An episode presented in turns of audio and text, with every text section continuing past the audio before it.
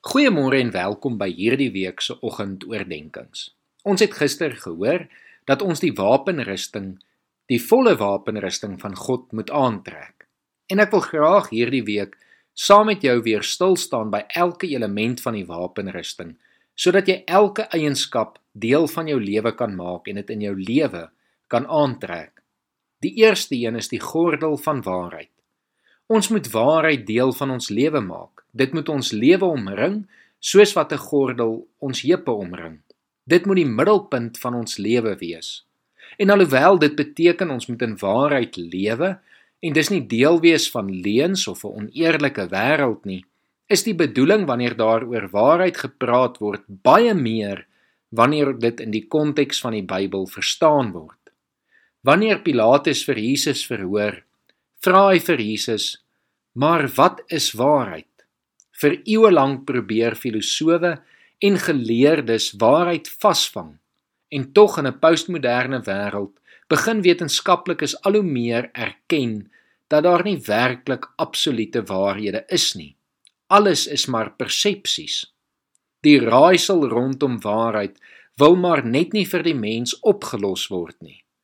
Behalwe natuurlik as ons waarheid verstaan soos wat die Bybel dit vir ons leer. Dit is so ironies dat Pilatus vir Jesus vra, "Wat is waarheid?" wanneer ons weet dat Jesus self die waarheid is. Jesus het in Johannes 14 vers 6 gesê, "Ek is die weg, die waarheid en die lewe." Jesus is waarheid. Hoekom? Want dit is die enigste en absolute waarheid wat hierdie wêreld laat sin maak wat alles in mekaar laat pas.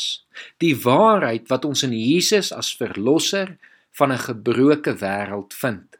Ons lees in Efesiërs 4 vers 17 tot 24: In die naam van die Here doen ek 'n ernstige beroep op julle. Moenie langer soos heidene lewe nie. Hulle gedagtes lei tot niks. Hulle verstand is verduister en hulle het geen deel aan die lewe wat God skenk nie omdat hulle hardnekkig en hulle onkunde volhard. Hulle het heeltemal afgestomp geraak en hulle met 'n onversadigbare drang aan losbandigheid oorgegee om al wat vuil is te doen. Maar dit is nie hoe julle Christus leer ken het nie. Julle het tog van hom gehoor en omdat julle sy volgelinge is, is julle onderrig volgens die waarheid wat in Jesus is. Hou dan op om te lewe soos julle vroeër gelewe het. Breek met die ou sondige mens in julle wat deur sondige begeertes verteer word.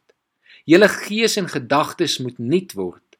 Lewe as nuwe mense wat as die beeld van God geskep is. Lewe volkome volgens die wil van God en wees heilig. Die wêreld begin eers sin maak wanneer ons waarheid binne Jesus as verlosser van 'n gebroke wêreld vind. Ons lewe begin eers sin maak as ons besef die waarheid is ons self het redding nodig. Ons self is gebroke. Die lewe word eers die moeite werd om te leef wanneer ons in die vryheid van God in 'n ewige lewe as waarheid binne kinders van God begin leef. Daarom moet ons waarheid as gordel om ons heupe vasmaak. Die waarheid wat ons in Jesus vind. En dan kan ons as nuwe mense in hierdie waarheid lewe. Efesiërs 4 vers 25 sê: Nou dat julle die valsheid afgelê het, moet julle onder mekaar die waarheid praat. En ons kan daarmee saamvoeg, moet ons die waarheid begin leef. Moet ek en jy die waarheid wat ons in Jesus gevind het begin volg en dan kan ons volkome volgens sy wil lewe heilig voor ons God. Efesiërs 5 vers 1 sê omdat julle kinders van God is en hy julle liefhet moet julle sy voorbeeld volg lewe in liefde soos Christus ons ook liefgehad het en on ons ontwil sy lewe as 'n offergawe gegee het ja 'n offer wat vir God aanneemlik was Kom ons bid saam. Here, dankie dat ons waarheid binne U kan vind. Al kan ons dit nie hier in 'n gebroke wêreld altyd raak sien nie. Here, dankie dat die lewe vir ons die moeite werd word wanneer ons nuwe lewe by U ontvang. Dankie dat ons kan weet dit is waar dat U God is, dat U vir ons gesterf het, dat U ons gered het, dat U ons vrygespreek het en ons verlos het van hierdie sondige wêreld en van ons eie sondige natuur.